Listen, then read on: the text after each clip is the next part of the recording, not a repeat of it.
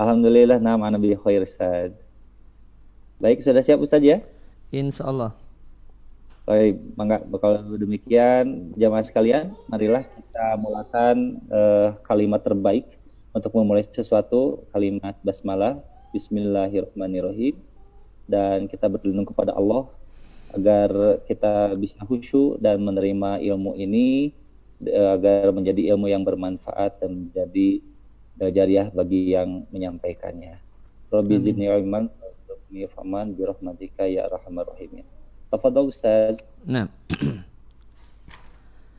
Alhamdulillah innal hamdalillah nahmaduhu wa nasta'inuhu wa nastaghfiruh wa na'udzu billahi min shururi anfusina wa min sayyiati a'malina man yahdihillahu fala mudhill di kota Mekah, ini kota suci umat Islam juga di Arab. Beliau lahir di kota Mekah yang merupakan bagian dari Jazirah Arab dan kota Mekah sekarang ini adalah salah satu kota di Arab Saudi. Beliau tumbuh besar dalam keadaan yatim karena ayahnya meninggal dunia ketika beliau masih ada di perut ibunya. Lantas ya, dididik oleh ibunya, dirawat oleh ibunya Aminah bintu Wahab. Dan Aminah mendidik dengan baik Nabi kita Muhammad Wasallam sesuai dengan adat orang Arab yang masih tulen. Yang mereka ini mewarisi banyak dari ajaran bapak para nabi yaitu Khalilur Rahman Ibrahim alaihi salatu wassalam. Dan sang ibu pun meninggal dunia ketika umur Nabi kita baru enam tahun. Lantas yang mengurusi dan merawat beliau adalah kakeknya Abdul Muttalib. Dan kakek Abdul Muttalib termasuk uh, elit orang Quraisy sebelum datangnya Islam. Namun kebersamaan dengan sang kakek pun tak lama karena sang kakek meninggal dunia dua tahun setelah merawat Nabi kita Muhammad Sallallahu Alaihi Wasallam. Lantas Nabi kita Muhammad Sallallahu Alaihi Wasallam dirawat oleh pamannya Abu Talib karena dua sebab. Yang pertama karena itu adalah wasiat sang kakek yaitu Abdul Muttalib dan yang kedua karena Abu Talib ini saudara kandung dengan Abdullah lain hanya dengan paman-paman Nabi yang lain. Cuma satu bapak namun beda ibu. Yang satu ibu satu bapak dengan Abdullah adalah Abu Talib. Dan Nabi kita Muhammad Wasallam tumbuh besar dengan pertumbuhan yang istimewa karena ya, diliputi segala kebaikan. Beliau terkenal sebagai seorang yang pemberani, seorang yang jujur, memiliki akhlak mulia dalam keadaan masyarakatnya rusak. Sampai-sampai masyarakatnya pun menggelari beliau dengan sebutan As-Sadiq Al-Amin, seorang yang jujur, dan seorang yang amanah. Dan di antara kegiatan beliau sebelum jadi nabi adalah mengembala kambing ketika beliau masih tergolong kanak-kanak. Dan kegiatan menggembala kambing ini menambah kejernihan hati beliau. Dan menambah beliau lebih perhatian kepada kebaikan dan menjadi kejelekan. Karena manusia itu terpengaruh dengan hal-hal yang ada di dekatnya. Maka Nabi sampaikan, kalau orang itu dekat dengan kambing, maka lebih cenderung tawadu. Sebaliknya orang yang dekat dengan akrab dengan onta, kata Nabi cenderung sombong. Karena memang benda-benda yang ada dekat, di dekat kita itu memiliki pengaruh pada diri kita dan hati kita. Ya, contoh sederhananya, ya, seorang yang pakai ya, kendaraannya sepeda yang sederhana, tentu hatinya lebih cenderung tawadu. Namun ya, tanpa bermaksud e, mencela dan menjelekkan orang yang kendaraannya mugi. Maka semata-mata naik mugi itu ada dampak ke hati yaitu kecondongan kepada e, kesombongan. Maka ini menunjukkan bahwasanya benda-benda yang ada di dekat kita itu punya pengaruh pada diri kita. Dan di masa beliau remaja dan jadi pemuda, beliau kerja dengan Khadijah binti Khuwailid, salah satu wanita Quraisy dan beliau adalah seorang wanita yang memiliki harta yang banyak. Nabi uh, Khadijah mengirim Muhammad SAW untuk berdagang ke negeri Syam. Syam itu sekarang empat, uh, empat daerah Suria, Palestina, Lebanon, uh, dan Yordan. Itu semua dulu namanya Syam. Kemudian Nabi pun kembali pulang, kemudian menghadap Khadijah dalam keadaan mendapatkan untung yang besar. Ya, tatkala beliau berumur 25 tahun, ya, pamannya menikahkan beliau dengan Khadijah. Ya, Nabi kita ketika itu umurnya 25 tahun, sedangkan ya, Khadijah itu lebih tua dengan selisih 15 tahun. Ya. Ya, karena usia Ibunda Khadijah ketika itu 40 tahun. Di sini kita jumpai pelajaran bahasanya yang paling pokok yang penting dalam menikah itu adalah beda jenis. Adapun beda umur tidak masalah. Yang penting beda, beda jenis.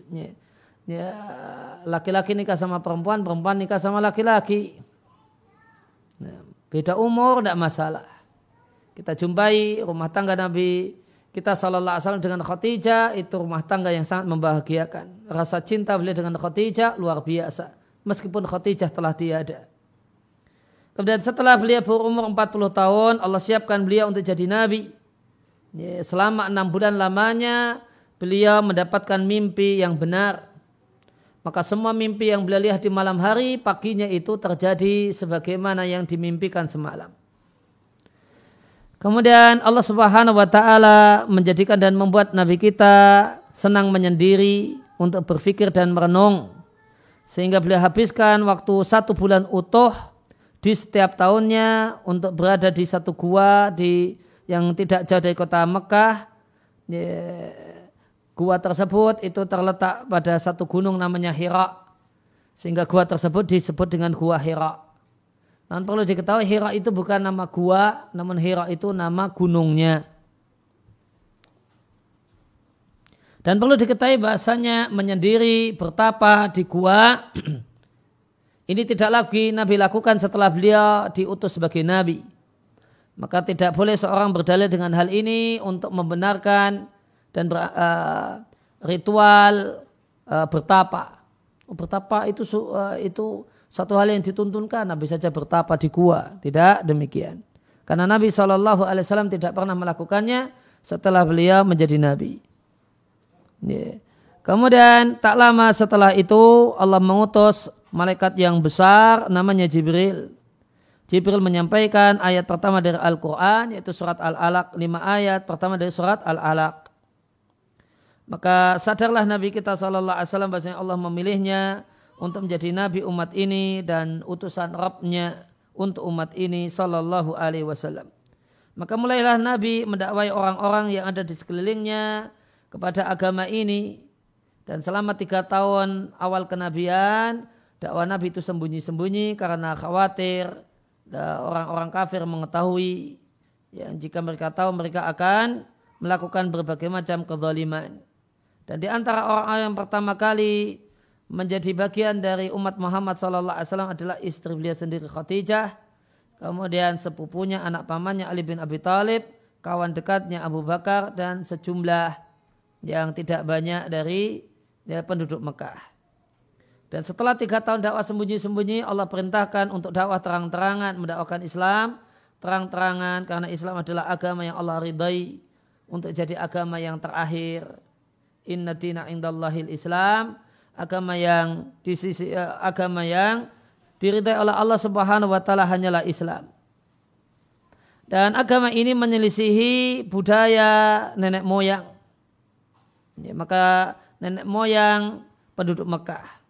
Hmm. Atau bahkan nenek moyang Nabi kita sendiri Muhammad sallallahu alaihi wasallam. Meskipun tidak sejalan dengan budaya nenek moyang Nabi tetap ya, mengajak orang untuk beribadah kepada Allah semata maka uh, dan hal ini direspon dengan gangguan dari orang-orang Quraisy dan Nabi pun masa Allah bersabar dengan sabar yang luar biasa. Dan yang berperan, tokoh yang berperan untuk melindungi Nabi dari gangguan orang-orang Quraisy adalah paman beliau Abu Talib. Beliau cegah segala macam kejelekan yang akan menimpa keponakannya. Meskipun demikian, Abu Talib tidak mau menerima Islam dan mati sebagai orang yang kafir. Maka kita di sini jumpai pelajaran mahalnya dan pentingnya hidayah. Ya, nasab yang dekat dengan seorang nabi bahkan punya hubungan dekat karena membela seorang nabi itu tidak jaminan ya tidak menjadi jaminan dia adalah orang yang mendapatkan uh, hidayah dan petunjuk. Dan mulailah Islam tersebar dengan cepat. Sebagian penduduk Yathrib, yaitu penduduk Madinah, itu beriman kepada Nabi. Kemudian mereka kembali ke Madinah, yaitu yang dulu namanya Yathrib. Ya, kemudian datanglah 12 uh, laki-laki dari penduduk Madinah, kemudian mereka beriman dengan Nabi. Ya. Lantas Allah uh, kemudian sang Nabi kirimkan bersama 12 orang ini salah satu atau sejumlah sahabat di antaranya adalah Mus'ab bin Umair dengan tugas untuk mengajarkan hukum-hukum Islam kepada penduduk Madinah dan mengajarkan Al-Quran. Maka tak lama setelah itu tersebarlah Islam di kota Yathrib. Ya, maka datanglah sejumlah dari penduduk Madinah. Ya. Ya, lantas uh, orang-orang penduduk Madinah ini mengajak Nabi dan para sahabat untuk hijrah ke Madinah. Mereka berjanji siap membela sang Nabi dan menolong sang Nabi. Nabi pun merespon ajakan penduduk Yathrib. Nabi perintahkan para sahabat untuk berangkat duluan meninggalkan Mekah dan Nabi menyusul mereka. Dan tatkala orang Quraisy mengetahui berita kalau Nabi hijrah, maka mereka kirimkan ya, orang yang mau membunuh sang Nabi. Namun Allah selamatkan sang Nabi dari gangguan orang-orang ini. Maka orang Quraisy kemudian ngasih iming-iming siapa yang bisa menangkap ya, Muhammad ya, Sallallahu Alaihi Wasallam hidup ataukah mati untuknya 100 ekor unta. Nilai yang Tentu sangat fantastis, ya, sangat luar biasa.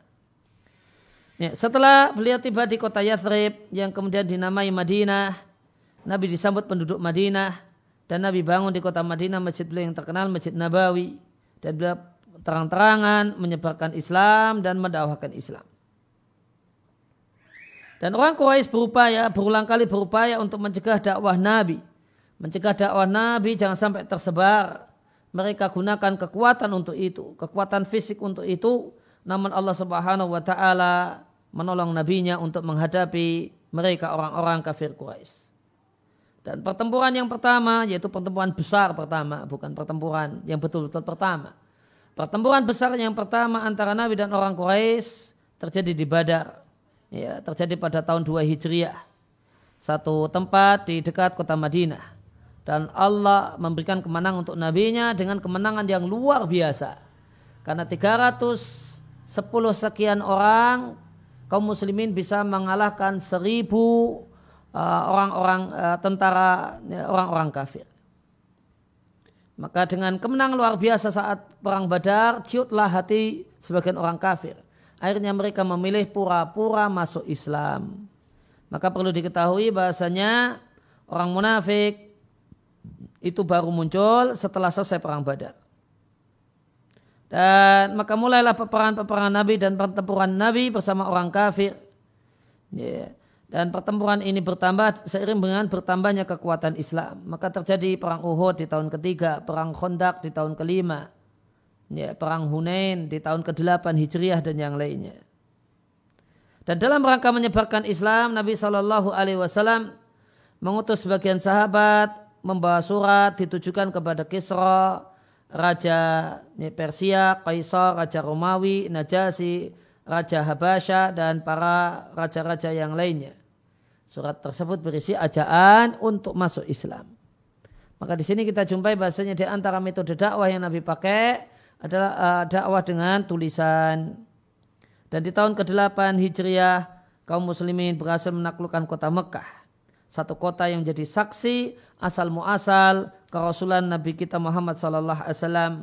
Namun karena penduduknya memerangi Nabi kita sallallahu alaihi wasallam bahkan menyempitkannya secara luar biasa ya, maka Nabi sallallahu alaihi wasallam meninggalkan Mekah.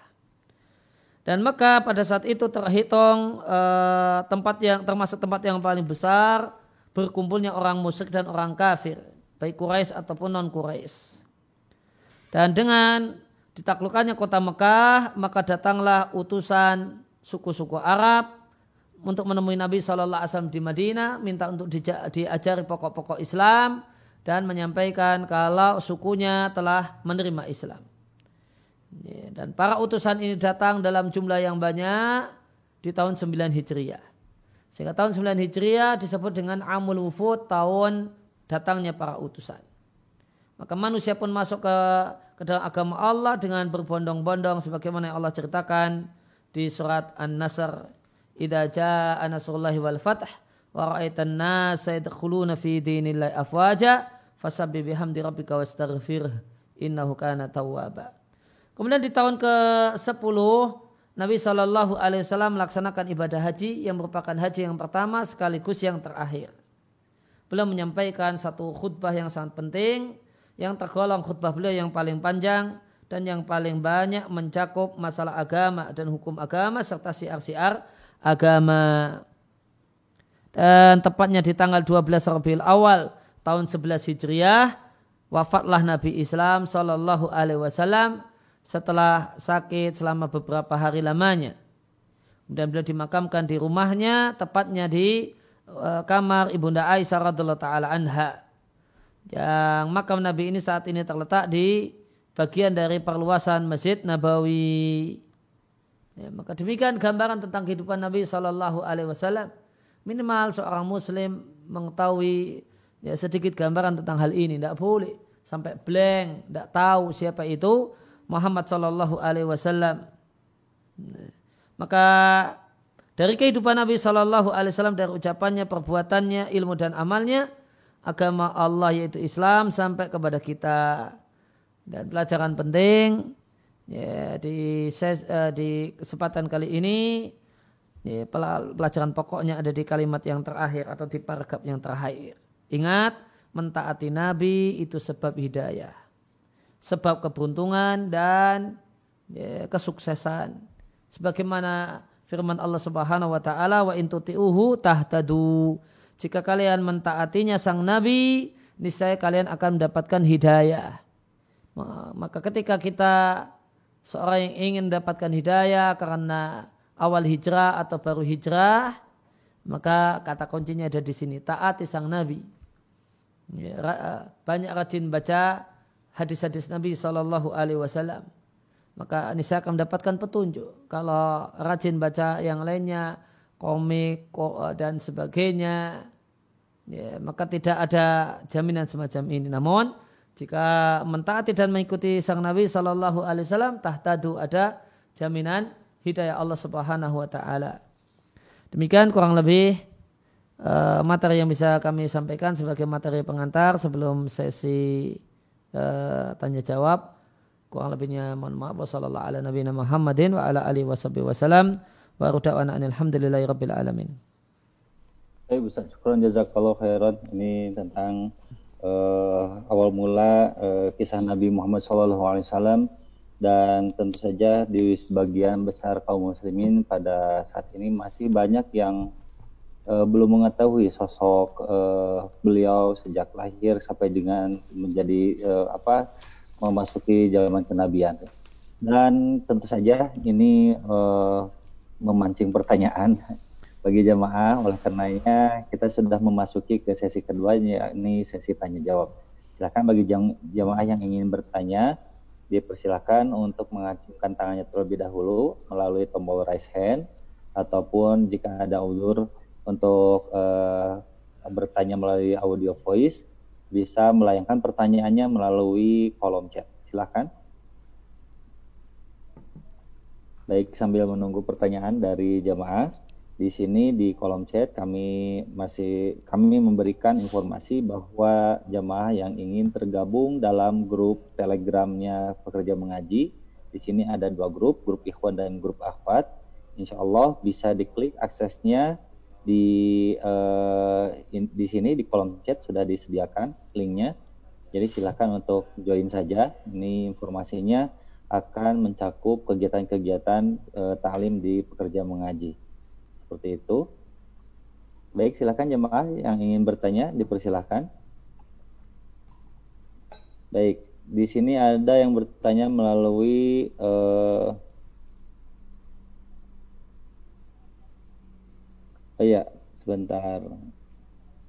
Ini dari uh, uh, seorang uhti, Ana mendapatkan di YouTube terdapat tes kepribadian yang di sana mereka memberikan beberapa pertanyaan kepada penonton. Setelah pertanyaan tersebut selesai, kita menambahkan jumlah poin yang kita dapatkan di setiap pertanyaan yang jawab. Setelah itu, akhirnya kita akan mengetahui kepribadian kita seperti apa melalui poin terakhir yang kita peroleh. Apakah ini diperbolehkan? Demikian pertanyaannya, Ustaz. Nah, uh, maka upaya untuk mengetahui kepribadian dengan pertanyaan-pertanyaan tertentu yang dijawab secara jujur, yang dari situ nanti bisa kita jumpai uh, kepribadian seseorang itu seperti apa, insya Allah tidak masalah. Nah, ya kurang lebih seperti tes psikologi gitu. Nah, itu baik. Ini pertanyaan berikutnya. Uh, Izin bertanya mengenai dari seorang ikhwan, izin bertanya mengenai pernikahan Rasulullah SAW. Apakah yang menjadi dasar pernikahan itu poligami atau monogami? Rasulullah SAW di awal kenabian bermonogami dan semua anak perempuannya tidak pernah dipoligami oleh suaminya. Kemudian di Madinah beliau SAW berpoligami. Mohon penjelasannya Ustaz. Ya, Nabi poligami itu sejak di Mekah tidak uh, tidak di Madinah namun di Mekah. Karena di Mekah beliau setelah Khadijah wafat beliau menikahi Saudah kemudian menikahi Aisyah. Cuma Aisyahnya belum langsung satu rumah. Satu rumah dengan Nabi Shallallahu setelah beliau uh, ada di Madinah maka jika yang dimaksud dengan poligami Nabi itu dimulai di Madinah itu dalam artian Ibunda Aisyah satu rumah maka betul. Tapi kalau mau dihitung dari akad ya, maka itu sejak di Mekah. Beliau sudah mulai poligami. Kemudian tentang hukum asal pernikahan uh, poligami ataukah monogami ya, maka uh, ada ada beberapa pendapat ulama dalam masalah ini, namun yang jelas ya, ya, satu hal yang patut didudukkan, ya poligami satu hal yang boleh.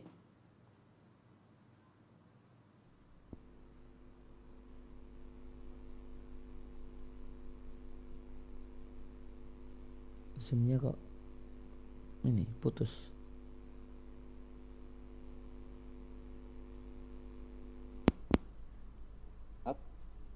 Ustaz sinyalnya mungkin uh, kurang begitu bagus di sana Ustaz.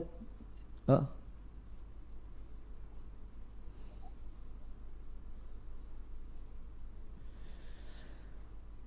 Mohon maaf Ustaz.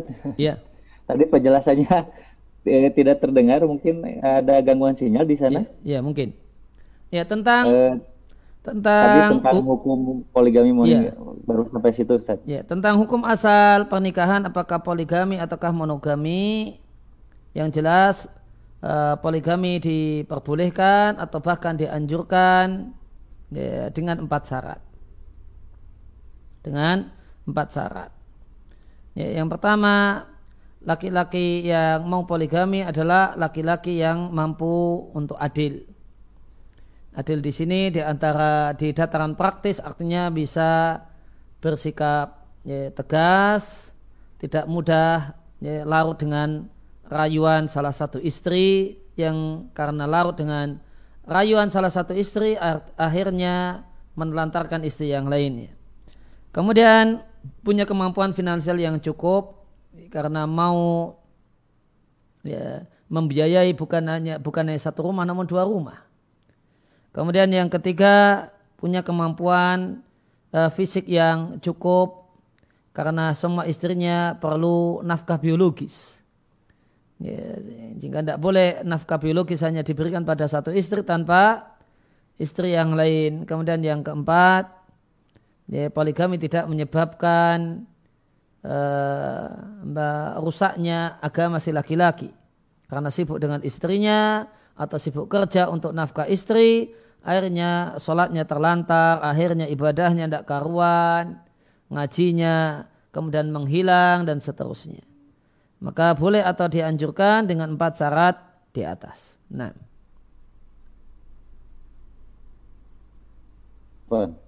Kemudian ini Ustadz ada uh, pertanyaan lanjutannya. Jadi uh, semua anak perempuannya tidak pernah dipoligami oleh suaminya. Nah, seperti itu uh, penjelasannya bagaimana Ustadz? Ya, tentang hal ini Nabi Shallallahu Alaihi Wasallam telah uh, berkomentar kepada Ali bin Abi Thalib bahasanya beliau tidak melarang ya, beliau tidak melarang tidak mengharamkan apa yang Allah halalkan beliau menegaskan poligami boleh dan ketika Ali berniat untuk uh, memadu Fatimah dengan uh, ya, putrinya dengan mau nikah uh, mau menikahi Eh, mau menjadikan madu bagi Fatimah istrinya eh, apa anaknya Abu eh, ya, anak dari salah salah salah tokoh uh, besar kekafiran ya, Abu Jahal atau ya, Abu Jahal nampaknya kalau tidak salah ingat Abu Jahal maka Nabi Shallallahu Alaihi Wasallam menyampaikan kalau itu satu hal yang menyakiti beliau dan beliau menegaskan kalau beliau tidak menghalal, tidak mengharamkan apa yang Allah halalkan yaitu e, poligami. Nah. Baik, alhamdulillah untuk e, pertanyaan dari chat. Oh ya ada lagi nih dari seorang ikhwan atas nama Akhra Hadian Abu Zidan. Assalamualaikum warahmatullahi wabarakatuh Ustaz. Waalaikumsalam warahmatullahi uh, Adakah rekomendasi buku Sirah Nabawiyah yang bagus? Kemudian penulisnya siapa? Demikian Ustaz. Buku Sirah Nabawiyah yang uh, yang uh, cukup bagus ya sudah banyak penerbit yang menerbitkannya itu Rahikul Maktum. Ya, itu bisa uh, dibaca ya insya Allah tergolong ini buku yang bagus untuk Sirah Nabawiyah. Nah. Mudah-mudahan dicatat oleh Ah Rahdian jawaban dari Ustadz. Ya ada versi Lanjut, terjemahnya banyak. Uh -uh. Oh ada versi terjemahnya sudah ada ya? Iya yeah, banyak. Baik. Uh, dari jamaah yang ingin bertanya kepada Ustadz Aris Munandar silahkan melalui chat ataupun juga langsung melalui voice silahkan mengacungkan tangannya terlebih dahulu. Baik sambil nunggu. Uh, Itu ada Bima Satria. Dari yang lain. Oh Bima Satria, Tafadol, enggak?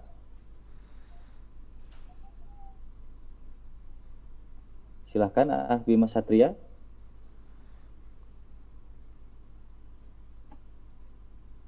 Bismillahirrahmanirrahim. Assalamualaikum warahmatullahi wabarakatuh Ustaz. Waalaikumsalam warahmatullahi wabarakatuh. Oke, jazakallah khairan sudah diberi kesempatan khairan. untuk bertanya.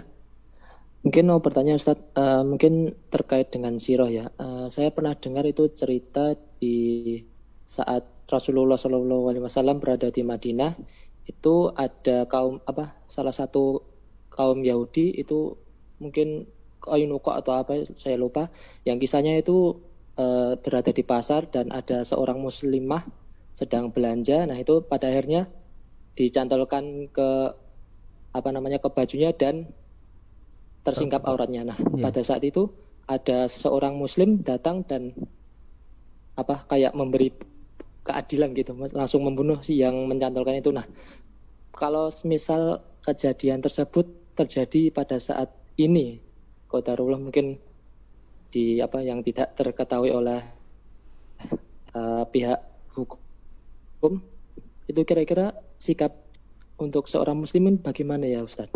aja. Ya, uh, berkenaan dengan masalah uh, hukuman ya, atau melakukan tindakan kepada orang yang melakukan kesalahan atau bahkan kejahatan, maka peluang kesalahan itu ada dua macam. Yang pertama kesalahan bentuk hukuman, kemudian yang kedua ya, kesalahan prosedural. Ya, misalnya ada ya, pencuri ayam kemudian dihukum masa dibakar, hukumannya jadi hukuman mati, padahal nyuri ayam satu. Ini kesalahannya kesalahan prosedural karena main hakim sendiri kemudian kesalahannya kesalahan bentuk hukuman. Ini dua sisi ini salah semua. Ya, namun uh, ada juga kesalahan uh, kesalahan hanya kesalahan prosedural, namun tidak salah bentuk hukuman. Sebagaimana pernah terjadi di masa sahabat, ada seorang yang terbukti kalau dia tukang sihir, kemudian uh, tukang sihir ini sehingga ceritanya ditindak oleh salah satu sahabat sehingga tukang sihir ini meninggal dunia. Ya, maka kesalahan yang terjadi pada sahabat ini dia tidak prosedural. Main tangan dan main hakim sendiri. Maka dia pun dihukum dengan dimasukkan ke dalam penjara selama beberapa waktu lamanya. Ya, maka hukumannya ringan atau kemudian lebih ringan. Tidak hukumannya adalah hukuman kisos, mati dibalas dengan mati. Karena kesalahan sahabat ini kesalahan prosedural dan bukan kesalahan e, bentuk hukuman. Ya, di antara prosedur dalam agama kita yang namanya melakukan tindakan-tindakan semacam ini adalah hak penguasa. Nah. Baik.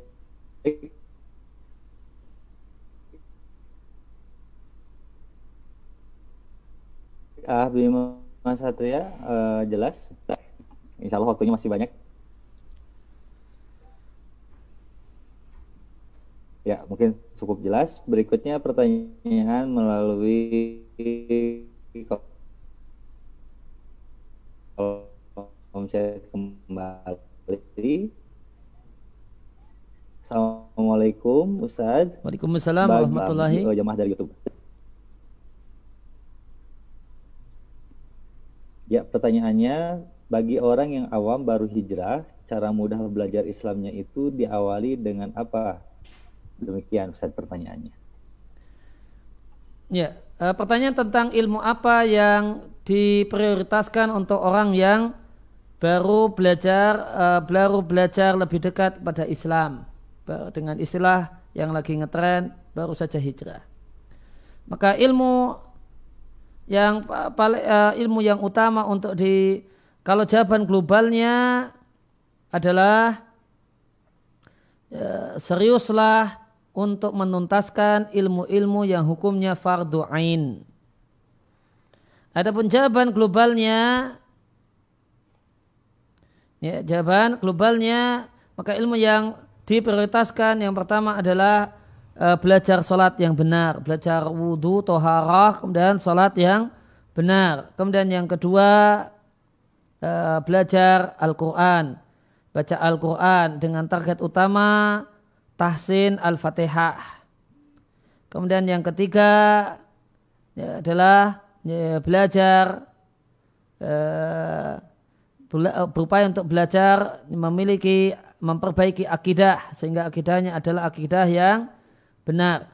Yaitu yang prioritas awal prioritas awal setelah tersentuh hati, tercerahkan, kemudian ingin masuk ke pintu gerbang hijrah, maka e, prioritaskan tuntaskan ilmu yang fardu ain dan terutama tiga ilmu ini dengan tetap ya, ser, e, dengan tetap e, dengan nasihat tetap semangat belajar, ya, sibuk belajar, dan tidak sibuk uh, membicarakan orang dan yang lainnya. Namun sibuk belajar dan belajar. Nah.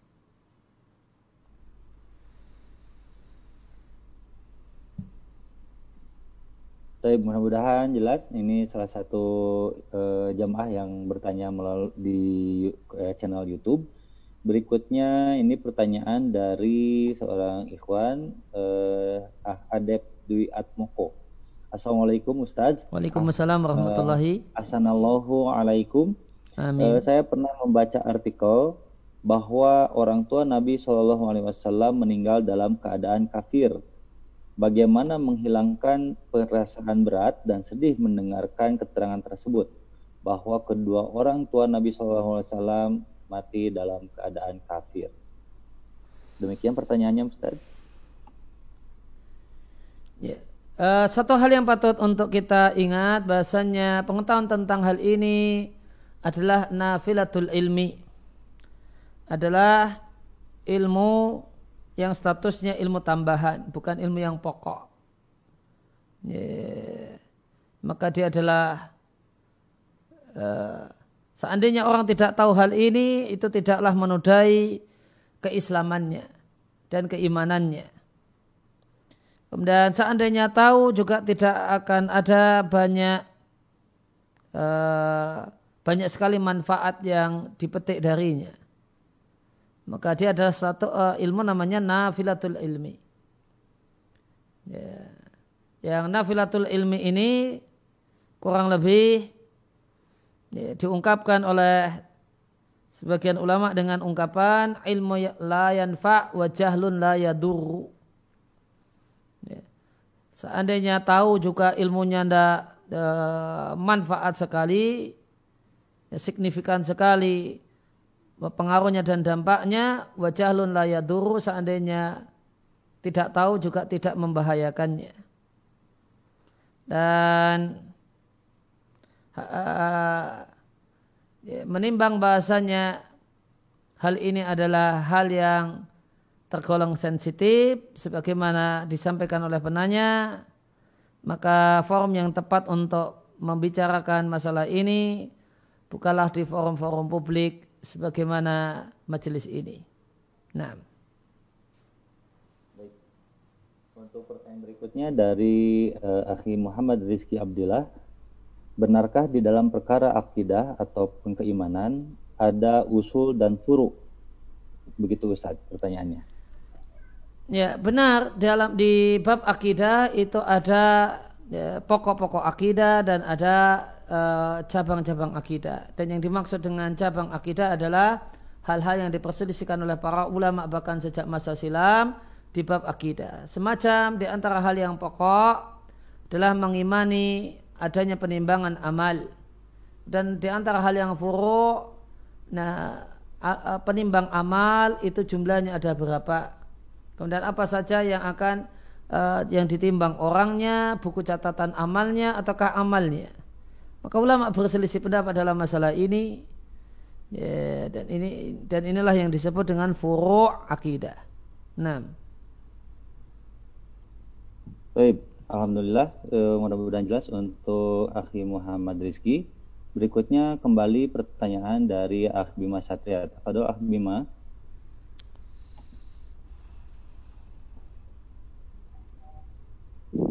Silakan Akh Bima. Cek. Ah apa Ustaz tadi terpanjat mood mungkin tadi yang terkait uh, hukuman tadi berarti apa kesimpulannya tetap bersabar dan menunggu pemerintah ya Ustadz yang menentukan hukumannya seperti apa gitu. Ya idealnya demikian karena ya ada ketentuan prosedural yang ya, wajib dihormati dalam bahasa bebasnya tidak boleh main hakim sendiri. Nah, ya Ustadz. Mungkin ada satu pertanyaan lagi Apakah diperbolehkan? Ya, silahkan. Oke, okay, Mungkin saya juga pernah dengar itu kisah ibu dari sahabat Zubair bin Awam radhiyallahu anhu.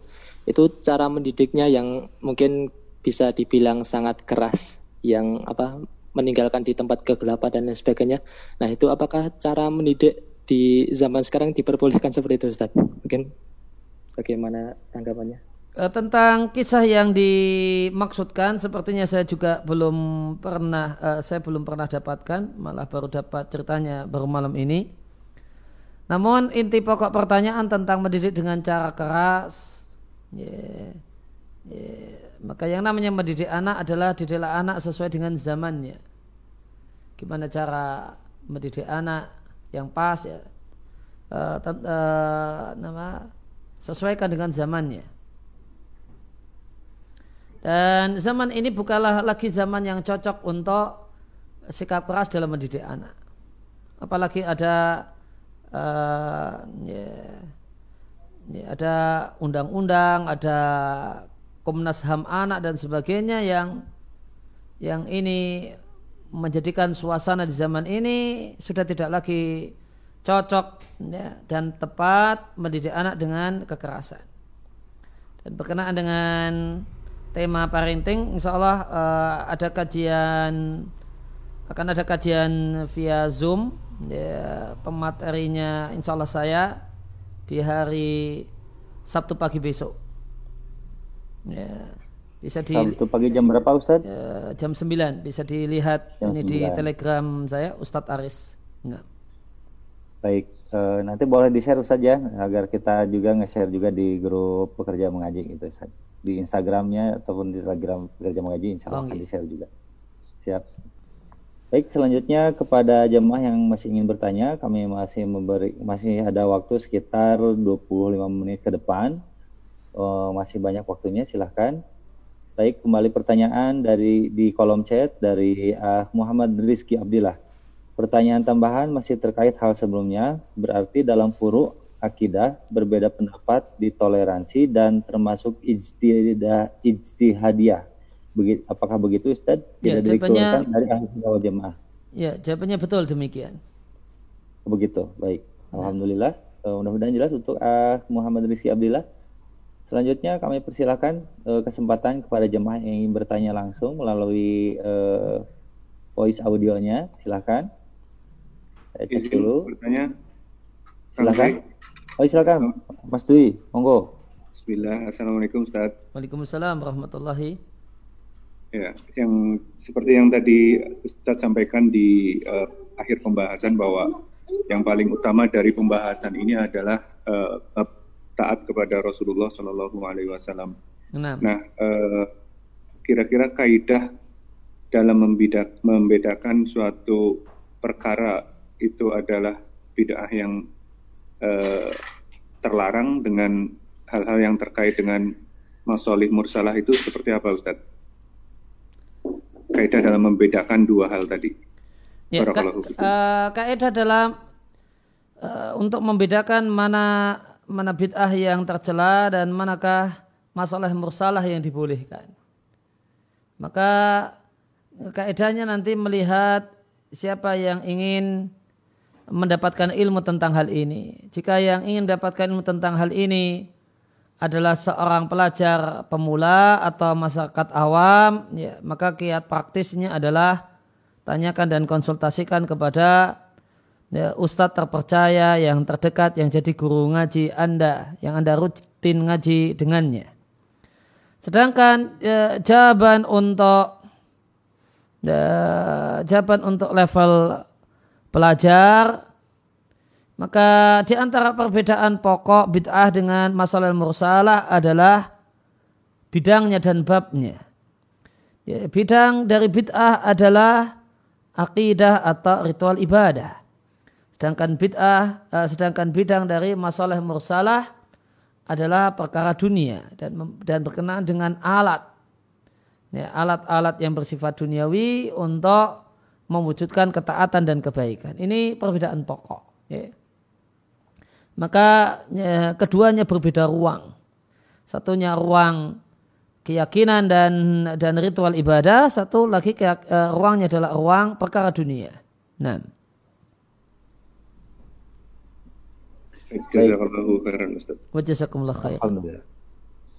Baik, ini pertanyaan dari chat kembali uh, karena sebelum ya ya, ya ini dari chat dulu. Sebentar ya ah Yuliadi uh, karena bacakan dulu chatnya karena waktunya lebih dulu yang chat ini. Bismillahirrahmanirrahim. Ustadz mau ber, uh, Ana mau bertanya bagaimana hukumnya anak yang ibunya terancam merusak akidahnya karena suami barunya? Tapi ibunya tersebut sulit berpisah dari suaminya padahal sudah dinasihati suaminya adalah seorang dukun berkedok Ustaz. Ini merupakan, pertanyaan dari uh, jemaah di YouTube. Apa Ustaz untuk jawabannya? Ya. Uh, bagaimana sikap anak terhadap orang tuanya dan ibunya, uh, khususnya ibunya yang uh, dikhawatirkan terjemus dalam kemungkaran? Ya, maka jawabannya ya fatakullah mastata'tum Firman Allah Subhanahu wa taala surat At-Taghabun ayat yang ke-16, bertakwalah kalian kepada Allah semaksimal kemampuan kalian. Ya, maka lakukanlah usaha semaksimal mungkin karena status, statusnya adalah dengan orang tua, maka termasuk kemampuan di sini adalah menimbang adab dan etika. maksimal adab dan etika yang bisa dilakukan adalah demikian. Tidak mungkin lebih dari itu. Kalau lebih dari itu tidak sopan, tidak beradab dan tidak beretika, maka lakukan yang bisa dilakukan. Ya, dan Allah uh, Allah maafkan sesuatu yang di luar kemampuan kita. Ya, setelah kita uh, maksimal berupaya untuk melakukannya. Nah. Baik. Berikutnya kami berikan uh, kesempatan kepada Ahyuladi Purawibawa. Silakan Ahyuli. Ahyuliadi.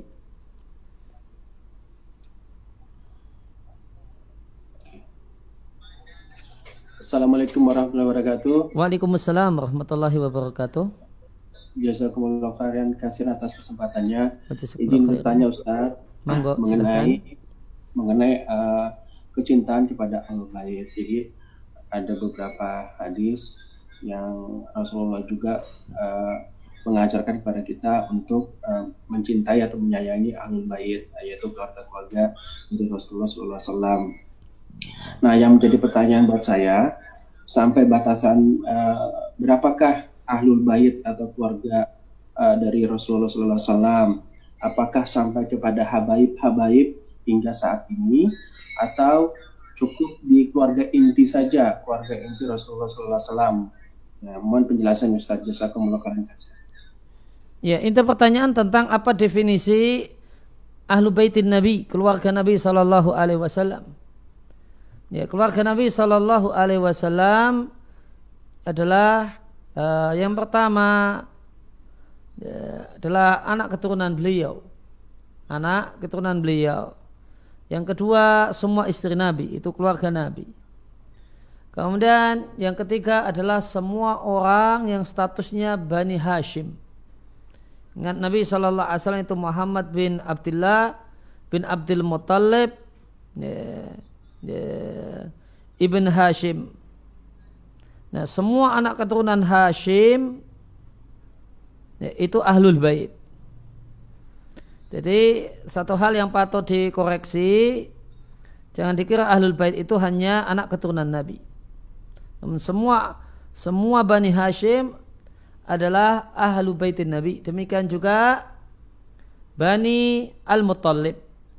Ya, bani Al-Muttalib. Uh, Maka Nabi itu Muhammad ibn Abdullah ibn Abdul Muttalib ibn Hashim ibn Abdul Manaf.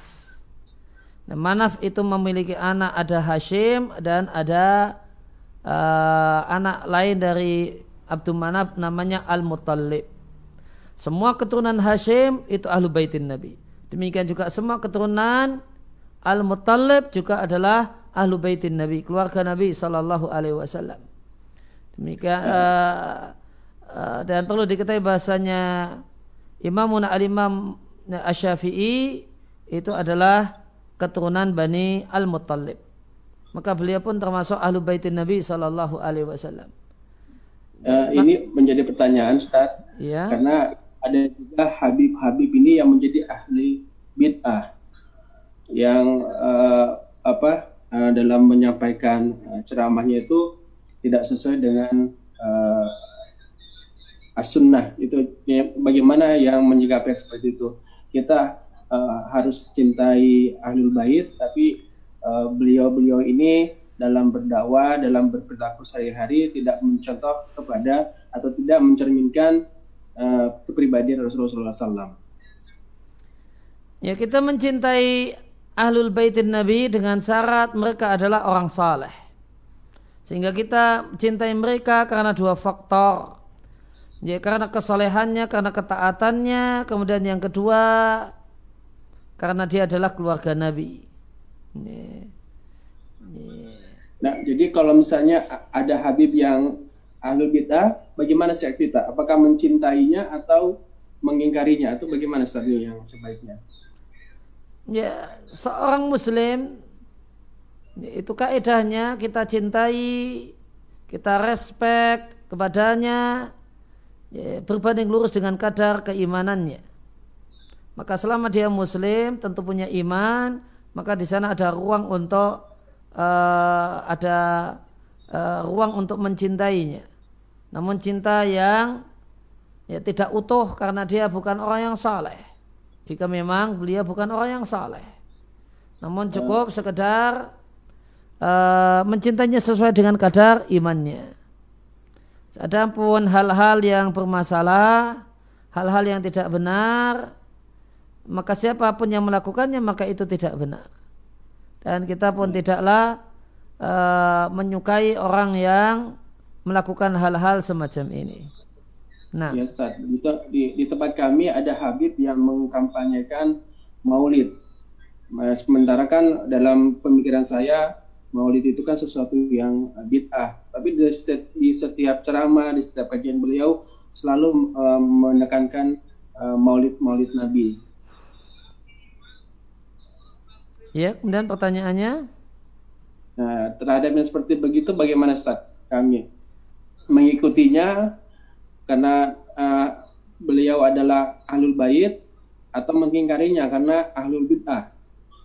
Ya, tadi telah saya sampaikan kaedahnya. Ya, setiap muslim itu saudara kita dan setiap muslim yang masih yang tidak batal keimanannya maka dia memiliki hak untuk kita cintai. Dicintai sesuai dengan kadar imannya dan dibenci hal-hal yang memang layak untuk dibenci dan tidak disukai karena itu adalah uh, ucapan dan perbuatan yang tidak benar yang dilarang oleh Nabi alaihi salatu wassalam. Itu kaidahnya. Ya, dengan kaidah tersebut ya kita uh, bisa kemudian diberlakukan untuk ya, seluruhnya. Nah, jasa kemuliaan khairan atas penjelasannya Ustaz. kemuliaan khairan. Nah, Alhamdulillah. Kali ini uh, penjelasan yang cukup uh, panjang, tapi mudah-mudahan bermanfaat ya untuk dijelaskan ya, yang sudah dijelaskan oleh Ustaz Aris barusan. Berikutnya kami akan bacakan kembali pertanyaan melalui kolom chat. Bismillahirrahmanirrahim. Jika memberikan mahar pada istri berupa mengajarkan Al-Quran atau mengajarkan tafsir Al-Quran, bagaimanakah jika terjadi hulu bagaimanakah caranya atau bentuknya mantan istri mengembalikan mahar? Seperti itu saya pertanyaannya. Yep. E, bentuk pengembalian maharnya adalah dengan nominal yang disepakati oleh keduanya. Nah. Baik. Itu saja Ustaz jawabannya? Iya, jawabannya singkat Ya, itu. seperti itu. Masya Allah. Baik, mudah-mudahan jelas untuk uh, Rizky barusan pertanyaannya. Ter selanjutnya Pertanyaannya adalah Oh, ini pertanyaan lanjutan rupanya ya. E, masih terkait hulu. Hulu itu termasuk tolak, talak atau fasak. Kemudian jika talak, talak berapakah? Seperti itu Ustaz. Ulama berselisih pendapat apakah hulu itu tolak ataukah fasak. Yang nanti jika tergolong tolak, ya, maka berarti nambah tabungan daftar tolak.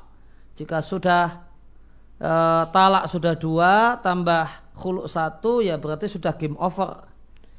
Ya, sudah habis talaknya talak tiga kalau dengan asumsi khuluk adalah tolak.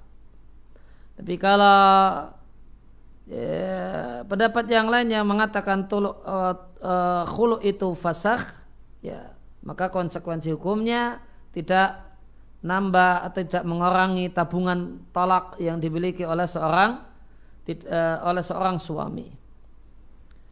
Ya, terkena uh, berkaitan dengan masalah ini ya, Wallahu taala a'lam pendapat yang lebih tepat khulu itu fasakh dan bukan talak.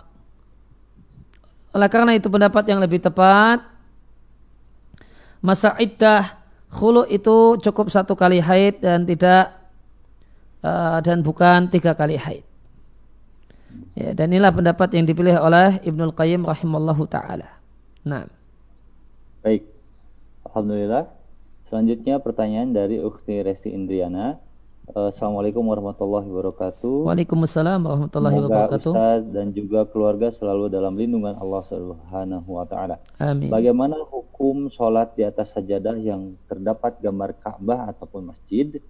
Jika tidak ada lagi sajadah, apakah boleh melipat sajadah tersebut sehingga tidak ada gambarnya? Jazakumullahu khairan. Ya, sajadah yang tidak yang tidak diperbolehkan untuk dipakai adalah sajadah yang memuat sesuatu yang menyebabkan ketika kita berdiri dalam sholat itu tidak konsentrasi dengan sholat malah mikirkan sajadahnya. Ini ada oh sajadahnya gambar masjid ini pintunya ada berapa ya ini ya? Oh ini pintu satu dua tiga gitu. Nah, ya, kalau demikian keadaan sajadah tersebut maka tidak boleh dipakai untuk sholat. Ya solusinya gimana? Bisa dilipat sebagaimana kata penanya. Namun jika ada gambar gambar tertentu semacam ya karpet-karpet yang kita jumpai di banyak tempat bahkan di Masjidil Haram, Masjid Nabawi dan yang lainnya. Dan kita lihat bahasanya orang yang sholat di atas sajadah atau karpet tersebut ya uh, tidak kemudian terganggu pikirannya dengan mengamati, menghitung, mencermati gambar yang ada di sajadah. Maka sajadah yang demikian tidak mengapa dipakai. Nah. Baik. Berikutnya pertanyaan dari uh, uh, Sahid. Uh, tadi Ustaz, kalau Sahid beragama Islam tadi. dengan dasar Oh, Raisen ya? Iya. Tadi udah lower hand lagi. Jadi melalui chat rupanya. Oh iya, ya silakan. Baik. Uh, pertanyaannya kan hati atau dikembalikan ke hati nurani apakah boleh adanya perselisihan atau perbedaan pendapat ulama kemudian diambil pendapat yang sesuai dengan ketenangan hati seseorang tersebut demikian pertanyaannya Ustaz. Ustaz. Ya terdapat hadis Nabi Shallallahu Alaihi Wasallam istafti kolbak tanyakan pada nurami, nuranimu. Ya, namun perlu diketahui bahasanya mengacu pada nurani itu ada ketentuannya. Yang pertama tidak berlaku untuk perkara-perkara yang jelas ada dalilnya. Sehingga ini hanya berlaku untuk perkara-perkara yang tidak ada dalilnya atau per, ya, dan perselisihan dalam masalah itu perselisihan yang ketat. Ya, kemudian yang kedua uh, ini hanya berlaku untuk orang yang punya hati yang bersih. Adapun hati yang berkelimang dengan maksiat, ya, yang condongnya bahkan condong pada keburukan dan kejelekan, ya, maka hati semacam ini tidak bisa dan tidak boleh dijadikan sebagai patokan. Nah. Baik, Alhamdulillah, mudah-mudahan jelas jawabannya. Dan berikutnya ini ada kembali pertanyaan dari uh, Rizky. Uh, Ustaz, bolehkah menyematkan ahlu sunnah pada orang-orang awam di luar yang mempelajari manhaj salaf dengan alasan mereka terkena syubhat dan cuma ikut-ikutan. Jazakumullahu khairan.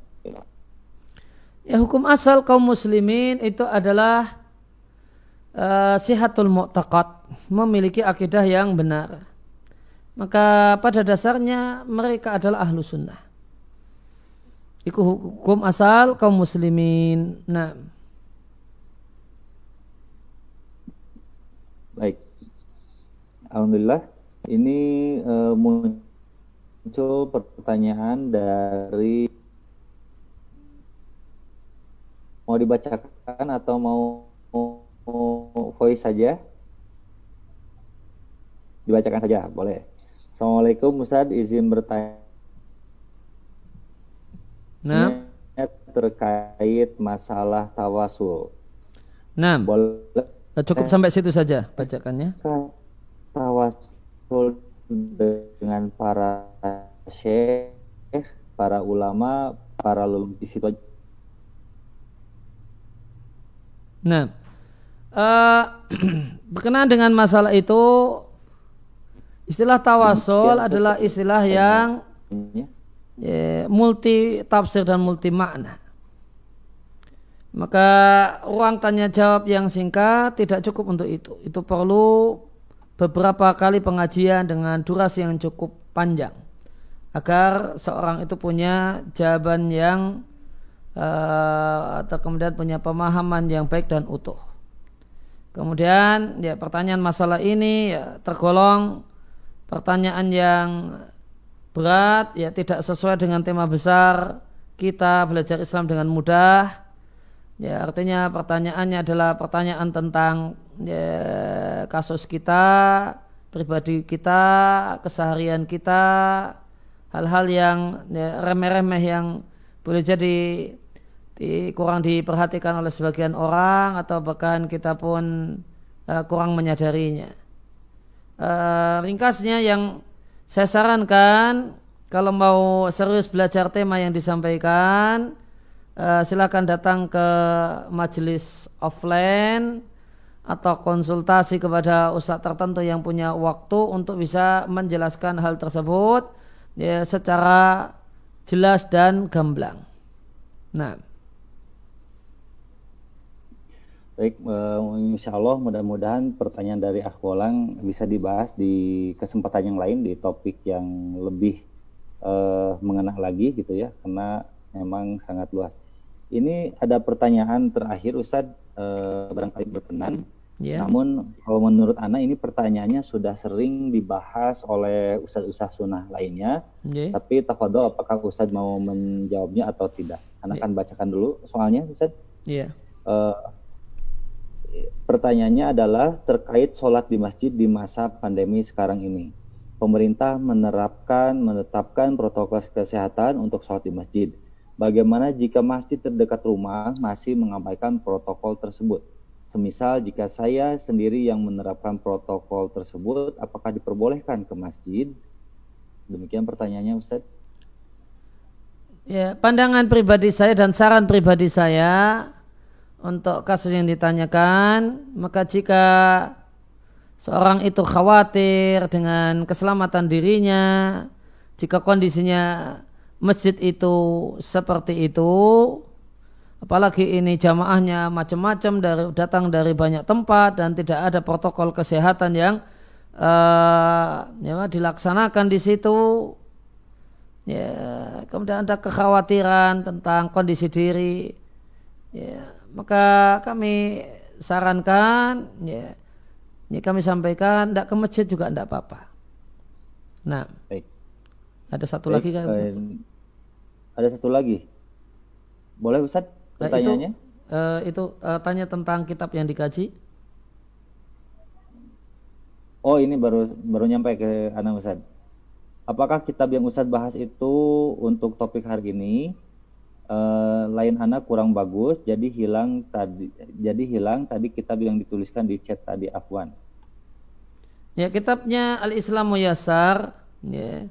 Kalau versi bahasa Arabnya bisa di uh, bisa dilihat dan bisa di-download dari uh, apa dari IG pribadi saya Ustadz Aris di di di bio itu disampaikan uh, apa link download kitab Islam Muyasa. Nah, baik. Baik. Alhamdulillah sudah close ya. Ini sudah jam 9. Uh, karena kita juga harus memenuhi atau mempersilahkan hak-haknya Ustadz untuk beristirahat mungkin begitu. Yeah. Tapi sebelumnya uh, sebelum diakhiri silakan mungkin ada uh, closing statement sekaligus juga Ustadz memberikan oleh-oleh kuis ya berupa oh. pertanyaan yang nanti akan dijawab oleh jamaah. Silakan Ustadz. Ya, uh, saya hanya sampaikan pertanyaan untuk kuis. Kuisnya sederhana bagi yang nyimak. Ya, tadi kita bahas. Ya, insya Allah semuanya bisa jawab. Tinggal mungkin siapa yang duluan jawab nanti uh, hadiahnya menjadi hak itu yang uh, paling dulu jawab. Tadi kita sampaikan bahasanya Nabi itu Allah utus sebagai rahmat lil alamin untuk semesta alam. Siapa yang dimaksud dengan semesta alam? Baik, pertanyaannya adalah siapa yang dimaksud dengan semesta alam gitu ya? Ya. Ya baik uh, closing statement mungkin Ustaz sebelum berakhir? Ya, uh, maka berkenaan dengan dengan materi yang kita bahas kesempatan siang hari ini tentang sang Nabi Shallallahu Alaihi Wasallam, Maka sebagaimana kata peribahasa Arab ya, atau peribahasa kita tak kenal maka tak sayang. Maka tak kenal maka tak akan sempurna cinta. Kita sebagai seorang muslim wajib mencintai Nabi Shallallahu alaihi wasallam dan kiat penting untuk maksimal dalam mencintai Nabi adalah mengenal sang Nabi. Maka selayaknya seorang muslim ya, semangat untuk mengenal Nabi Shallallahu alaihi wasallam, mengenal biografi beliau, kehidupan beliau dan mengambil pelajaran dari kehidupan beliau dengan semakin kita kenal detail Nabi Shallallahu Alaihi Wasallam ya, maka akan semakin mendalam cinta kita pada beliau. Dan ya, hal yang paling pokok yang kita kenal ya, yang paling pokok yang wajib kita kenal dari Nabi Shallallahu Alaihi Wasallam adalah mengenal ajaran beliau. Mengenal perintah dan larangan beliau. Dan sebagaimana telah di telah dimaklum dan telah diketahui perintah beliau yang paling penting adalah mengisahkan Allah Subhanahu wa taala. Beribadah hanya kepada Allah Subhanahu wa taala. Dan larangan beliau yang paling pokok adalah ya, kemusyrikan. Larangan untuk beribadah kepada selain Allah Subhanahu wa taala. Ya demikian kurang lebih yang bisa kami sampaikan jika ada tutur kata yang kurang berkenan mohon maaf sebesar-besarnya Ya. Dan jika ada uh, jawaban-jawaban yang dirasa terlalu global, maka mohon dimaklumi. Ya, karena jawaban di ruang publik ya, tentu berbeda dengan uh, jawaban di ruang privat. Ya, maka uh, karena ya, antisipasi kemudian segala macam kemungkinan maka hal-hal yang sensitif ya, ya hal-hal yang uh, ada peluang besar untuk bernilai sensitif ya, maka hanya bisa kita jawab secara global tanpa menukik ya, ya, dan ini tolong diharap untuk dimaklumi demikian wasallallahu ala Muhammadin wa ala alihi wasallam Wa rabbil alamin. Wassalamualaikum warahmatullahi wabarakatuh.